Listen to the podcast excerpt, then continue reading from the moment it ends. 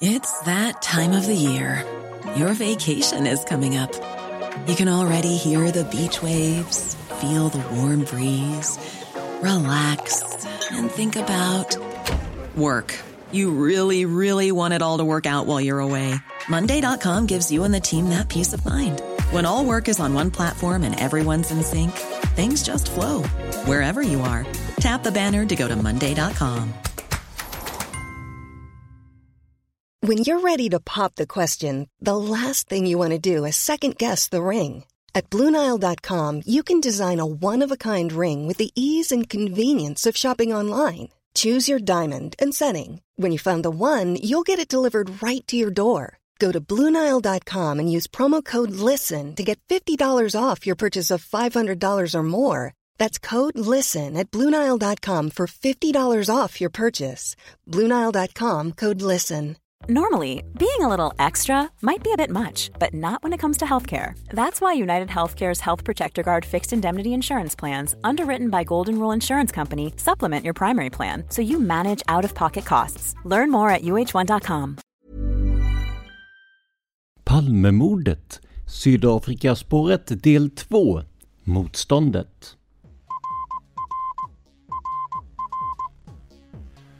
Sveriges statsminister Olof Palme är död.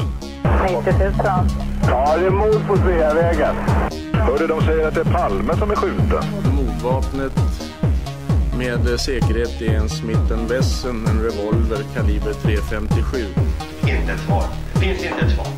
För jag har inget. Och jag har inte varit Varför skulle jag göra Polisen söker en man i 35 till 40-årsåldern med mörkt hår och lång mörk rock. Välkomna till podden Palmemordet som idag görs av mig, Tobias Henriksson på PRS Media. Sedan starten 2016 har Dan och jag tillsammans med gäster granskat Palmemordet och utredningen i snart 350 avsnitt. Mycket av det jobbet har gjorts möjligt av er lyssnare. För genom att ni donerat via patreon.com palmemordet har vi kunnat lägga tid på research och samtidigt vetat att vi kan ställa mat på bordet under tiden.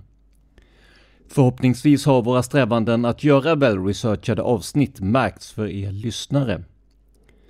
Om du vill stötta oss så är det alltså patreon.com palmemordet som gäller.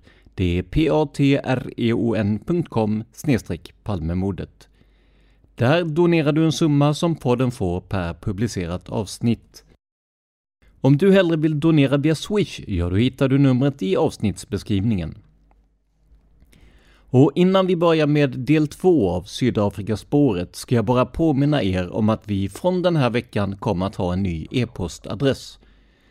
För Dans övriga poddar använde han en och samma adress, men i fallet Palmemordet skapade vi en egen, som ni vet.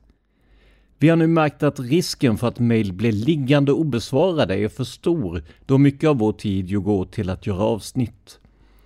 Därför kommer vi numera att använda simwaypodcast@gmail.com istället. Där har vår administratör Eva full koll och kan vidarebefordra mejl till mig och Dan. Simway stavas alltså Z-I-M-W-A-Y och Simway Podcast skrivs i ett ord. Adressen finns också i avsnittsbeskrivningen. Vi hoppas att detta gör att det går snabbare för er att få svar från oss och att vi också får en bättre överblick över tips och idéer. Men nu över till dagens ämne. I förra avsnittet bjöd vi ju på en slags historik över Sydafrika som land med fokus på deras rasåtskillnadspolitik och det som senare kom att bli apartheid.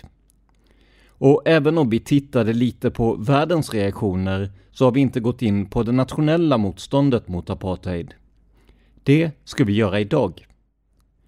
För kampen mot apartheid var svår, komplicerad och i många fall även blodig. Och främst i den här kampen kom African National Congress, alltså ANC, att stå. För även om ANC grundades innan apartheid blev ett begrepp i Sydafrika, så var den alltså den drivande kraften i motståndet mot landets politik och regering. Gruppen efterföljdes senare av ANCs Youth League, förkortat ANCYL, som grundades 1949. Den här mer radikala gruppen leddes av de inte helt okända Walter Sisulu, Nelson Mandela och Oliver Tambo. Och de förespråkade en radikal svart nationalism som kombinerade afrikanska idéer med marxism. De kom fram till att den vita makten bara kunde krossas genom massprotester, något som vi kommer att få exempel på senare i avsnittet. I juni 1947 blev Peter Mda ordförande för Ansyl och han kom att föra organisationen i en mer försonande riktning. Han accepterade till exempel samarbeten med icke-svarta, vilket inte var fallet tidigare, och han tillät också kommunister att vara en del av organisationen. Nelson Mandela motsatte sig det senare och menade att kommunism var antiafrikanskt och därför inte kunde tillåtas i Ansyl. Han fick dock vika sig på den punkten. Ansyl kom senare att ta kontroll över ANC och den mer radikala gruppen ledde alltså motståndet mot rasismen i landet genom African National Congress. ANC la fram ett slags program som betonade de afrikanska folkens rätt till frihet under en slags afrikansk nationalism. De började planera för strejker, bojkotter och civil olydnad, något som kom att leda till massprotester och då och då rent våld mellan befolkningsgrupperna. Och det här med att Ansyl kom att ta kontroll över ANC, det kanske kräver sin förklaring. För ANC leddes på den tiden, och det här är runt 1948, av Alfred Bitini Xuma som motsatte sig våld och civil olydnad som ett sätt att nå framgång.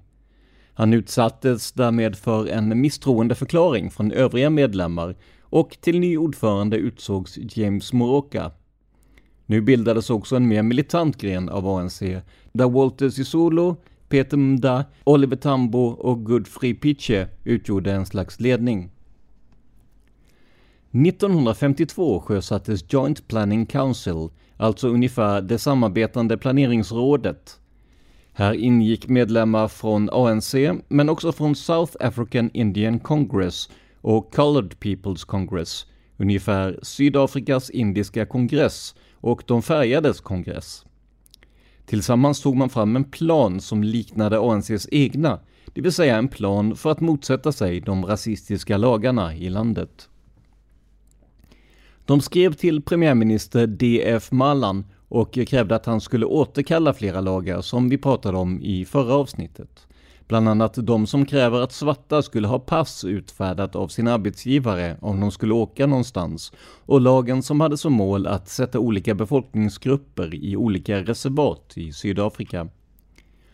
Mallan hänvisade rådet till Native Affairs Department, alltså direkt översatt avdelningen för inhemska ärenden, och hotade samtidigt med att sätta hårt mot hårt om gruppen betedde sig illa. Alltså betedde sig på ett sätt som motsatte sig gällande lagar om de vitas privilegier. Åtgärdsprogrammet, som ANC kallade sitt manifest om motstånd, startade med en motståndskampanj i juni 1952. Genom att bryta mot lagen hoppades organisationen att de styrande skulle utföra massarresteringar, något som skulle överväldiga och överbelasta regeringen. Nelson Mandela ledde till exempel en folkmassa på 50 personer längs gatorna i den vita delen av Johannesburg efter utegångsförbudet klockan 23 som förbjöd svarta att vistas ute. Gruppen upptäcktes, men resten av landet följde i samma spår. Olydnadsaktioner spred sig över hela Sydafrika och svarta personer struntade i raslagarna. De gick till exempel in genom entréer som bara var för vita. Vid kampanjens höjdpunkt eh, i september 1952 arresterades mer än 2500 personer från 24 olika städer på grund av att de brutit mot olika raslagar. Fem månader senare bestämde ANC och South African Indian Congress sig för att avsluta kampanjen på grund av att det ökade antalet upplopp, strejker och långa fängelsestraff för deltagarna. Under tiden som kampanjen pågått hade nästan 8000 svarta och indiska personer fängslats och samtidigt växte ANCs medlemsantal från cirka 7000 till 100 000. Antalet underavdelningar och lokalavdelningar växte också från 14 till 87 under samma tid. Kampanjen utgjorde också en förändring i ledarskapet i ANC, för strax innan den avslutades valdes Albert Lotuli till ny ordförande för organisationen. Efter att kampanjen avslutats tvingades regeringen i Sydafrika att tillfälligt lätta på sin apartheidpolitik. Men när stämningarna började lugna ner sig svarade man hårt och skoningslöst med ett flertal nya lagar som skulle förbjuda citat olagliga organisationer, slutcitat, kommunism och liknande. Criminal Law Amendment Act number 8, alltså tilläggsartikel nummer 8 till strafflagstiftningen, innehöll till exempel följande text, citat. Personer som på något sätt råder, uppmuntrar till, hetsar, beordrar, hjälper eller förhandlar med en annan person eller använder ett språkbruk som är menat att uppmana en annan person att begå ett brott genom att bryta mot lagen ska dömas såsom skyldiga. Slutcitat. Nu blir ju den här texten inte lika bra på svenska, men man får ju förutsätta att i uppräkningen i början där så avses just att uppmana till brott. Hur som helst är den här lagen, som ni ser, väldigt hård när man till och med reglerar vilket språkbruk man får använda mot andra. Hur som helst, i december 1952 ställdes Mandela, Sisulu och 18 andra personer inför rätta under lagen om förbjudande av kommunism.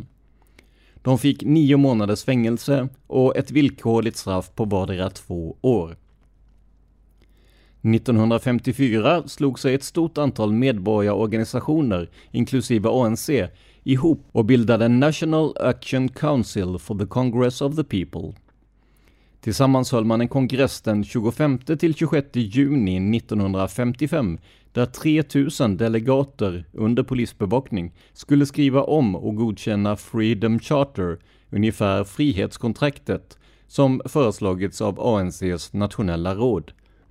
Frihetskontraktet beskrev en vision för Sydafrika som stod så långt ifrån apartheidpolitiken som man kunde komma. Här kommer några exempel på vad man ville uppnå. Man betonade att Sydafrika skulle vara ett rättvist och icke-segregerat samhälle. Man ville ha ett röstsystem där en person motsvarade en röst i en enda enad stat. Man krävde att alla skulle behandlas lika inför lagen. Man krävde också att land skulle delas av de som brukade det. Och slutligen krävde man att folket skulle få en del av landets välfärd.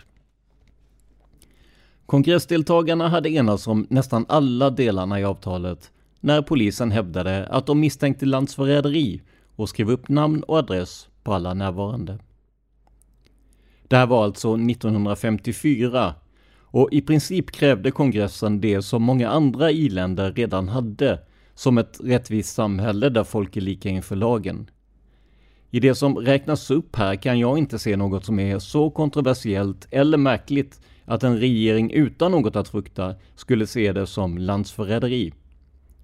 Men så var ju inte heller Sydafrika ett land som alla andra på den här tiden. Innan vi byter årtionde och går framåt i historien ska vi se varför ANC och flera andra organisationer tvingades gå under jord på 1960-talet. Det berodde till stor del på två händelser, där den ena utspelade sig 1956. Federationen av sydafrikanska kvinnor marscherade den 9 augusti mot Union Building i Pretoria för att protestera mot passlagarna. Och det här kan ju tyckas vara en liten grej i sammanhanget, men tillsammans med spänningarna i landet och de utbredda övriga protesterna var det vad som behövdes för att polisen skulle slå till den 5 december samma år. Allt som allt arresterade man 156 ledare från Congress Alliance, den samarbetsorganisation som verkade för alla människors lika värde i Sydafrika.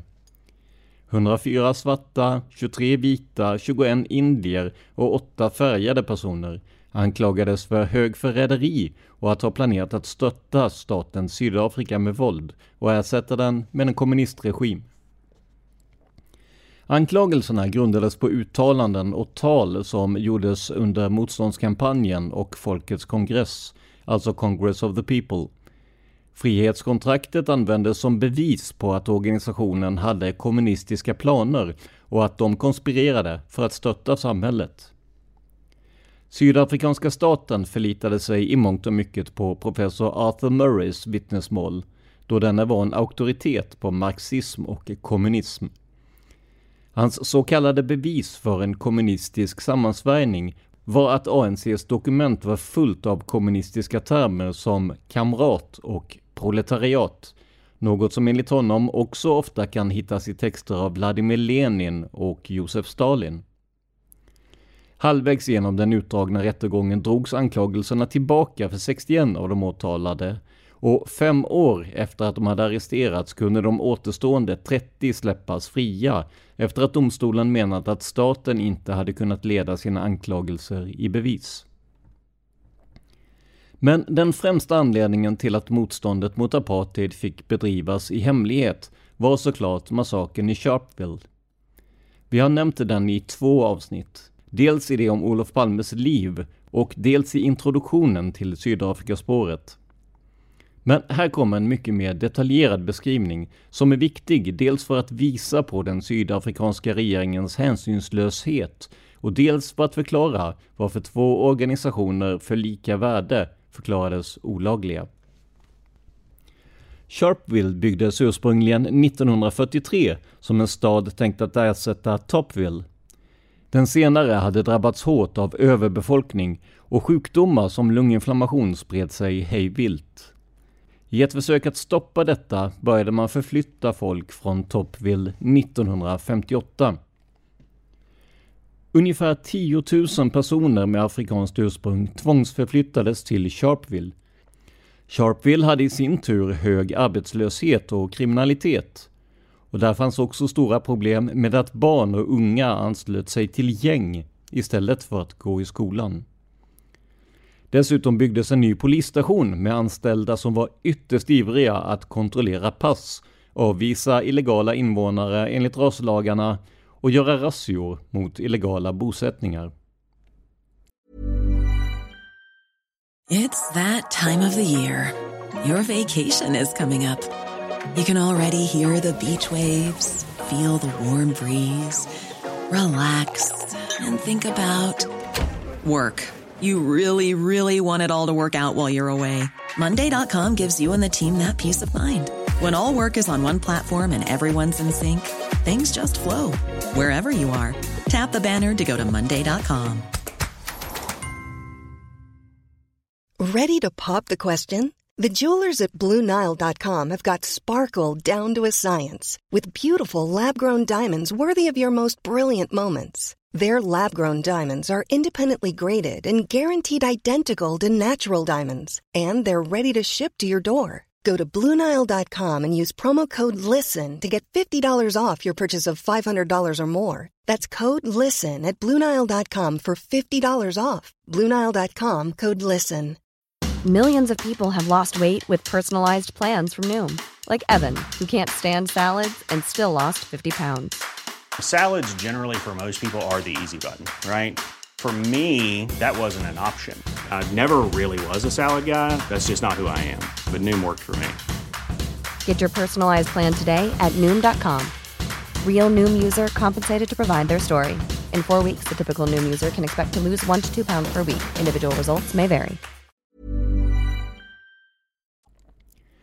ANC hade tänkt sig att sätta igång en ny kampanj mot passlagarna den 31 mars 1960. Men rivaliserande Pan African Congress, PAC, ledd av Robert Sobukwe, bestämde sig för att föregå ANC genom att starta sin egen kampanj tio dagar tidigare, alltså den 21 mars, eftersom de trodde att ANC inte kunde vinna med sin kampanj. PAC sågs ofta som lite mer radikala än ANC vid den här tiden och deras mål förklarades som citat ”Vi strävar efter politiskt att få en regering för afrikaner, av afrikaner, där alla som visar lojalitet till Afrika och som är beredda att acceptera de demokratiska reglerna satta av den afrikanska majoriteten ska ses som afrikaner.” Slutcitat. Och tolkar man det här hårt så kan det ju anses som att man vill skapa ett land bara för ursprungsafrikaner och på så sätt skapa en slags omvänd apartheid.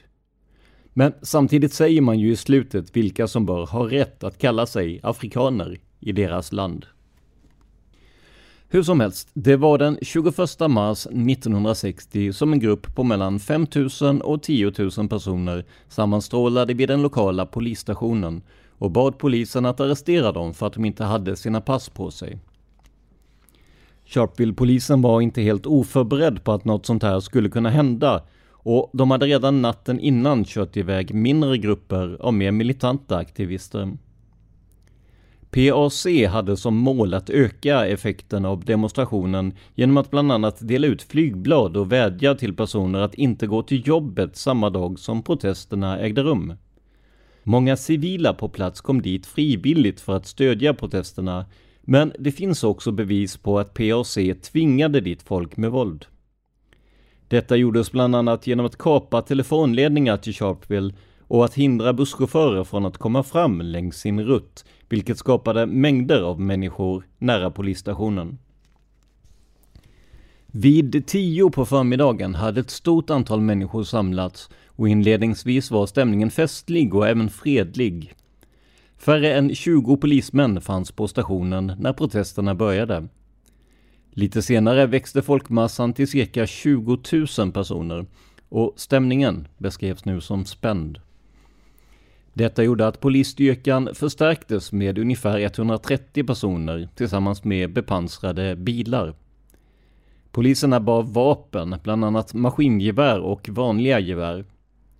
Det finns inga bevis för att folkmassan var beväpnad, ja, med annat än stenar då.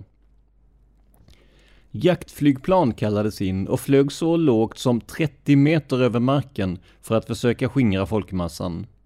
De svarade med att kasta stenar, som bland annat träffade tre polismän, innan de stormade polisavspärrningen. Polismännen försökte använda sig av tårgas för att slå tillbaka stormningsförsöket, men det visade sig ineffektivt, vilket gjorde att poliserna fick förlita sig på sina batonger. Vid 13-tiden försökte polisen arrestera en demonstrant och folkmassan började trycka på framåt. Strax därefter föll det första skottet från polisen. När krutröken lagt sig kunde man börja räkna antalet döda och skadade.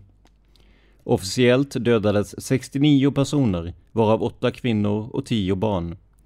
180 personer skadades, varav 31 kvinnor och 19 barn. Polisen sköt många i ryggen när de försökte fly, vilket också gjorde vissa av offren förlamade. Men vad var det som fick polisen att döda 69 människor i en protest som inledningsvis varit fredlig?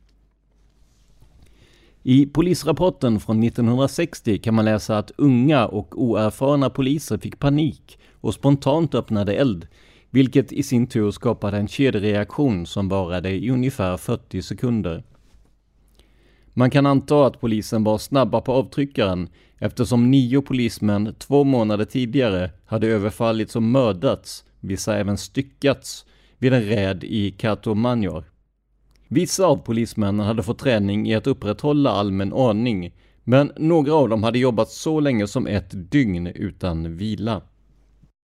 Om man vill förstå polisens inställning kan man till exempel lyssna på vad överstelöjtnant Pienar hade att säga. Han var kommandochef över polisförstärkningarna i Sharpeville och menade i ett vittnesmål att citat den där infödingsmentaliteten gör att de inte kan samlas för en fredlig demonstration. För deras del innebär folksamlingar våld. Slutcitat. Han förnekade också att han skulle ha gett order om att skjuta och hävdade att han aldrig skulle ha gjort det. Vittnesmål till Sydafrikas sanning och försoningskommission håller inte med. Citat. Bevisen som kommissionen tagit del av visar på en viss planering vad gäller skottlossningen i Sharpeville och tyder på att skjutningen var resultat av något mer än oerfarna och rädda poliser som tappade fattningen. Slut citat.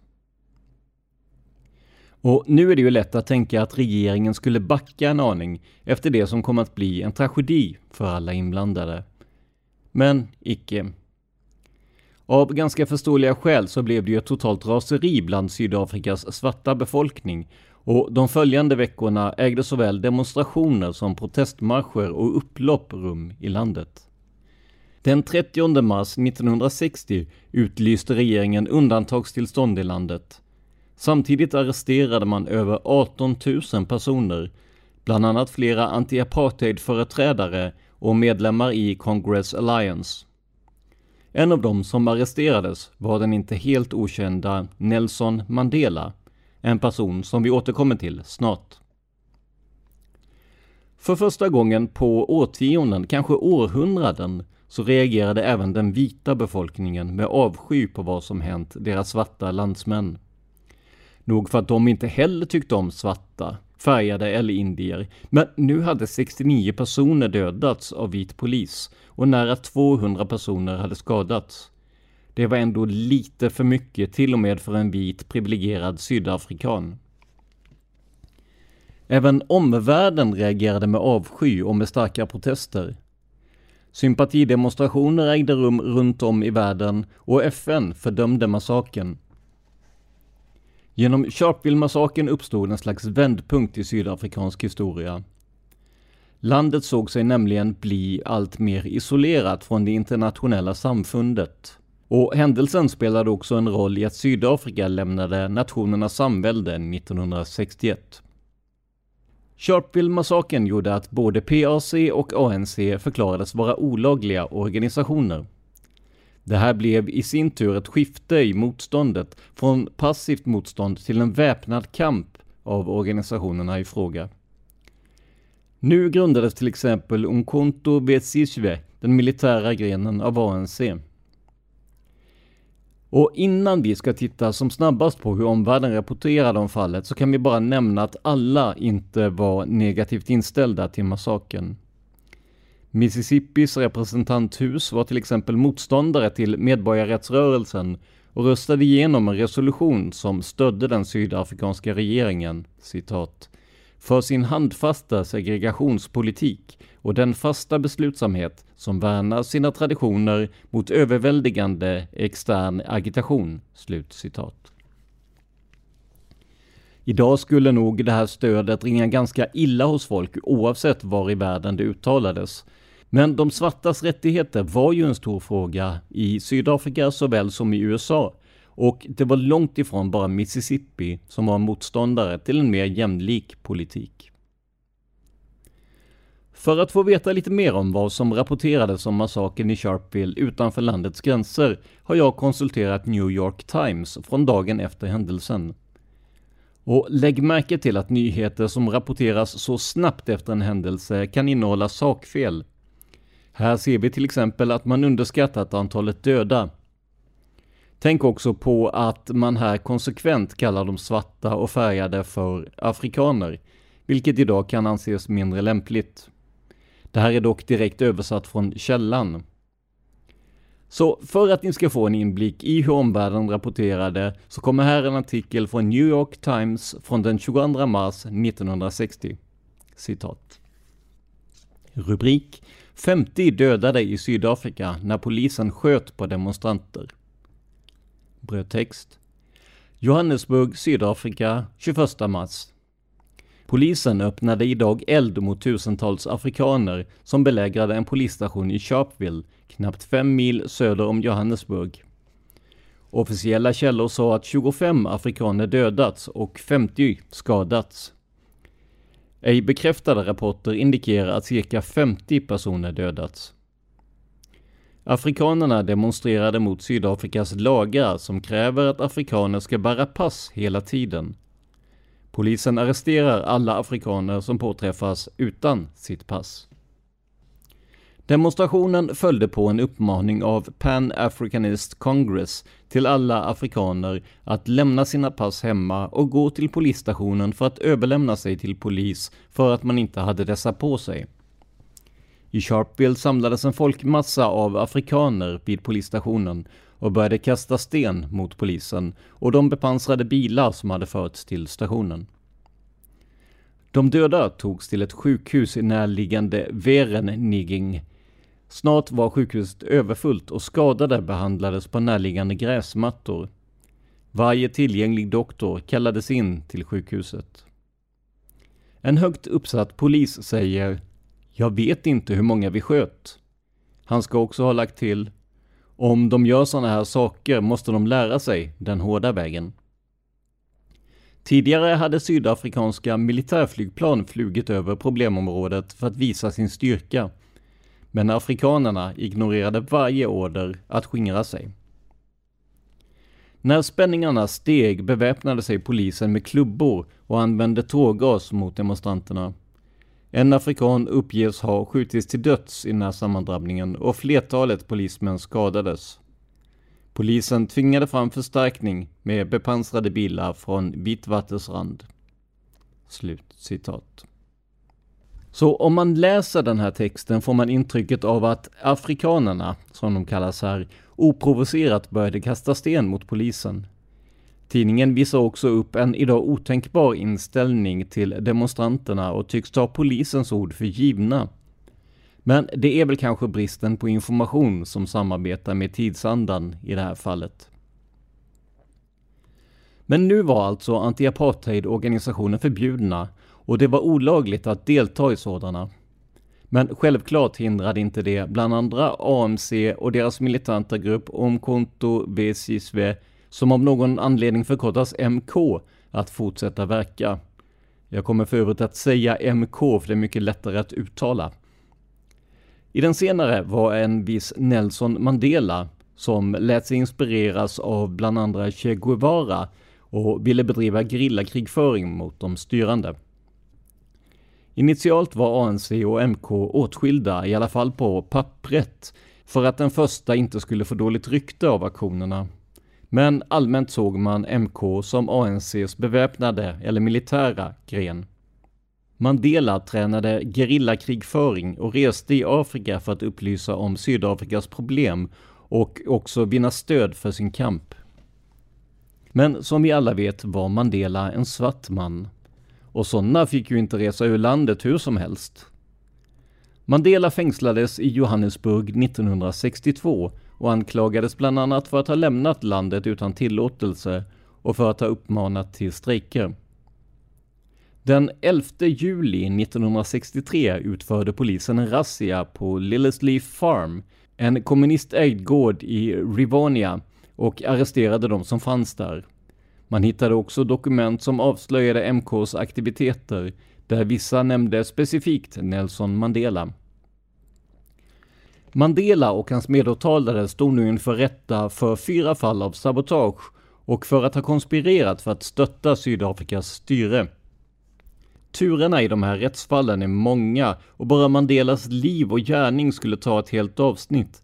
Så jag har fått välja lite bland informationen här. Men den 12 juni 1964 dömdes Mandela och hans nu två medåtalade som skyldiga på alla punkter.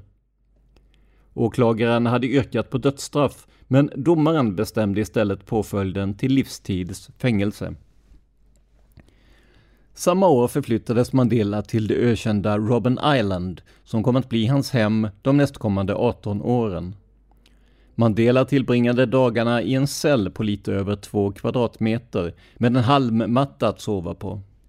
Han trakasserades dagligen såväl verbalt som fysiskt av såväl vakter som andra intagna.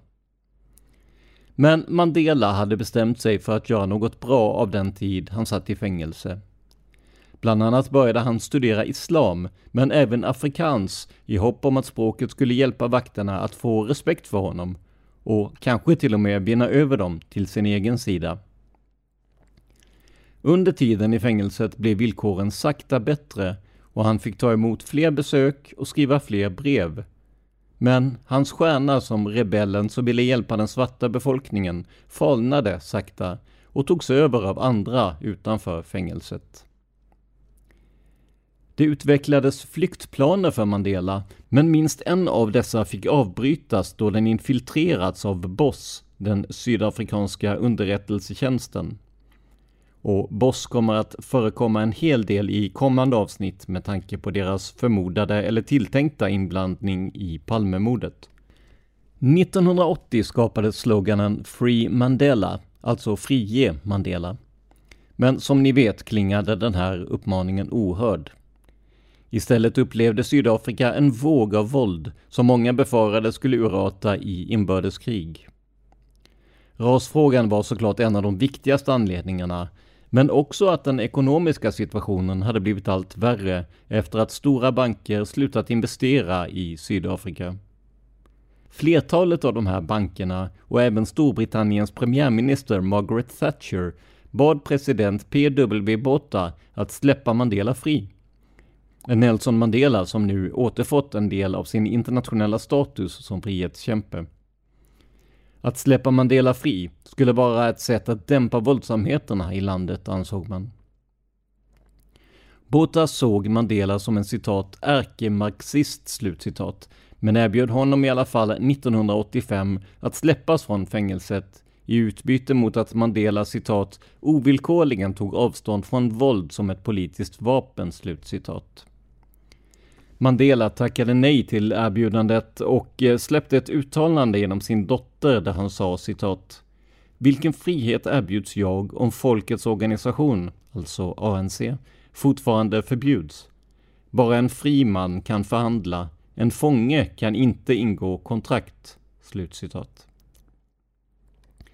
Under åren hade Nelson Mandela också drabbats av olika former av sjukdomar han hade bland annat opererats för förstorad prostata och hans syn hade påverkats kraftigt av att han inte fick ha glasögon när han högg sten som en del av fängelsetiden. Reflektionerna från sten och kalk i botten skadade hans ögon för resten av livet. Det var också delvis på grund av sjukdom som Nelson Mandela kom att förflytta till Polismore Prison 1982 Mandela hade utvecklat tuberkulos efter all tid i den fuktiga cellen på Robben Island och började återhämta sig här. Men troligtvis var förflyttningen också ett sätt att se till att Mandelas inflytande på Robben Island minskade i hopp om att han skulle tystas, eller själv tystna. När striderna mellan bland annat ANC och regeringen och de styrande i landet blev värre krävde Mandela att få prata med president Botha. Han nekade samtal, men träffade istället i största hemlighet justitieminister Kobi Kotsi 1987. De kom senare att ha inte mindre än 11 möten de kommande tre åren. Kotsi ordnade med förhandlingar mellan Mandela och fyra regeringsrepresentanter som gick med på att släppa politiska fångar mot att ANC och fångarna själva avsade sig allt användande av våld att de skulle bryta med kommunistpartiet och att de inte skulle insistera på en lag om majoritetsstyre. Mandela tackade nej till villkoren med förklaringen att de slutar med våld först när regeringen gör det. 1989 drabbades president Botha av en stroke och tvingades avträda som ledare för The National Party. I hans ställe kom F.W. de Klerk. Botha slutade dock inte som president, utan i ett överraskande drag bjöd han in Mandela till ett möte över en kopp te i juli 1989. Ett möte som Mandela uppskattade mycket. Men trots allt så var Bothas tid som president snart också över och de Klerk tog över makten även här. Den nya presidenten menade att apartheid inte var hållbart längre och släppte också ett antal ANC-fångar. Efter Berlinmurens fall i november 1989 kallade de Klerk samman regeringen för att diskutera en legalisering av ANC och ett frisläppande av Nelson Mandela. Även om många var starkt emot planerna träffade de Klerk Mandela i december samma år för att diskutera upplägget. Båda männen ansåg för övrigt att diskussionerna var såväl civiliserade som trevliga. I februari 1990 gick lagen igenom som gjorde alla tidigare förbjudna politiska partier lagliga igen. Samtidigt tillkännagav de Klerk Mandelas ovillkorliga frigivning. Kort därefter fick sydafrikanska tidningar för första gången på 20 år publicera bilder av Mandela. Small details are big surfaces. Tight corners are odd shapes. Flat rounded, textured, or tall. Whatever your next project, there's a spray paint pattern that's just right. Because Rust new Custom Spray 5 in 1 gives you control with five different spray patterns. So you can tackle nooks, crannies, edges, and curves without worrying about drips, runs, uneven coverage, or anything else. Custom Spray 5 in 1. Only from Rust Hey, it's Danny Pellegrino from Everything Iconic. Ready to upgrade your style game without blowing your budget? Check out Quince. They've got all the good stuff shirts and polos, activewear, and fine leather goods, all at 50 to 80% less than other high end brands. And the best part? They're all about safe, ethical, and responsible manufacturing. Get that luxury vibe without the luxury price tag. Hit up quince.com slash upgrade for free shipping and 365 day returns on your next order. That's quince.com slash upgrade. Even when we're on a budget, we still deserve nice things. Quince is a place to scoop up stunning high end goods for 50 to 80% less than similar brands. They have buttery soft cashmere sweaters starting at $50, luxurious Italian leather bags, and so much more. Plus, Quince only works with factories that use safe, ethical, and responsible manufacturing. Get the high-end goods you'll love without the high price tag with Quince. Go to quince.com/style for free shipping and 365-day returns. Resten av historien vet många av er säkert. Mandela frisläpptes alltså och även om det tog tid så var detta stenen som behövde sättas i rullning för att få ett slut på apartheid. 1994 hölls de första fria valen i Sydafrika och ANC fick 63 procent av rösterna. Det här gjorde Nelson Mandela till landets första svarta president. Han ledde en slags samlingsregering med stort inflytande av ANC, men även med representanter för National Party. Mandela fortsatte att verka för att landet skulle enas och istället för att visa bitterhet eller stridslystnad efter åren i fängelse och alla år av konstitutionell rasism så sökte han försoning och samarbete. Mandela drog sig tillbaka från ordförandeskapet i ANC 1997 och från 1999 levde han sitt liv som pensionär, om än med ett stort antal uppdrag och föreläsningar runt om i världen. 2004 blev han mer av pensionär på heltid, mycket tack vare sin försämrade hälsa. Han var ju nu trots allt 85 år gammal. I februari 2011 lades Mandela en kort tid in på sjukhus med en infektion i luftvägarna och fick senare läggas in igen i december 2012 på grund av en lunginflammation och för att ta bort gallstenar. Efter en lyckad operation i mars 2013 kom hans lunginflammation tillbaka. I juni samma år blev den värre och han hamnade på ett sjukhus i Pretoria i ett kritiskt tillstånd. Han kunde skrivas ut först i september 2013, men hans hälsotillstånd var fortfarande dåligt. Nelson Mandela dog den 5 december 2013 vid en ålder av 95 år, runt cirka 20.50 lokal tid i sitt hem. Han var omgiven av sin familj och dödsorsaken var den envetna luftvägs och lunginflammationen. Samma dag annonserades hans bortgång i tidningen och presidenten utlyste tio dagars landsorg. Under sin tid i livet hann Mandela inte bara vara en del av att krossa apartheid. Han fick också ett stort antal priser under årens gång. Det främsta är väl Nobels fredspris som han mottog 1993.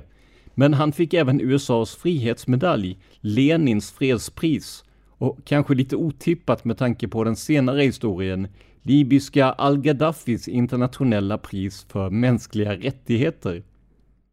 Nelson Mandela föddes i ett land där svarta inte var värda någonting alls. Men han dog i ett land där människor hade lika värde, oavsett hudfärg.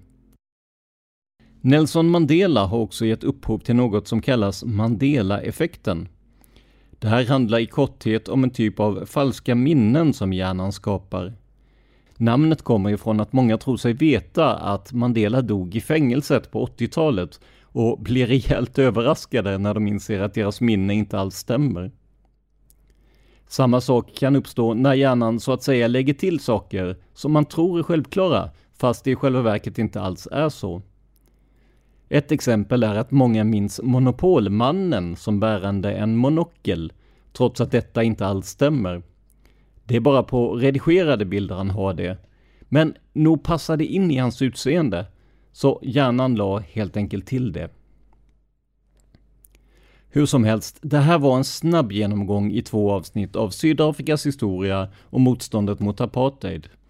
Med det här i åtanke är det mycket lättare att gå in på huvudämnet för den här podden, det vill säga mordet på Olof Palme. Han som var orubblig i sin kritik av apartheid och som många tror också fick betala med sitt liv för det. Innan vi avslutar vill jag tipsa om låten Gimme Hope Joanna av Eddie Grant. Det är en utmärkt popkulturell referens till apartheid och motståndet mot detta. Låten kom 1988 och var en del i att en yngre generation också fick upp ögonen för orättvisorna i Sydafrika. Tyvärr har vi inte rättigheterna till låten och kan inte spela upp den, men lyssna gärna på Youtube eller Spotify om ni vill höra mer om apartheidmotståndet på sent 1980-tal. Som jag sa tidigare så kommer ni numera i kontakt med oss på adressen simwaypodcast@gmail.com. Simway med Z, alltså Z-I-M-W-A-Y. Adressen finns också i avsnittsbeskrivningen. Där finner du också alla sätt att stötta oss ekonomiskt om du är intresserad av det. Det här var veckans avsnitt av podden Palmemordet som idag gjordes av mig, Tobias Henriksson på PRS Media. För mer information om mig och mina projekt, gå in på facebook.com prsmedia.se eller gilla oss på Instagram där vi heter PRS Media. Ett ord, små bokstäver. Tack till alla som kommit med positiv feedback och glada tillrop på det första avsnittet i den här serien. Men framför allt, stort tack för att du lyssnar på podden Palmemordet. Man hittar Palmes mördare om man följer PKK-spåret till botten. Därför att ända sedan Julius Caesars tid har det aldrig hört talas om ett mord på en framstående politiker som inte haft politiska skäl. Polisens och åklagarens teori var att han ensam hade skjutit Olof Palme. Och det ledde också till rättegång, men han frikändes i hovrätten.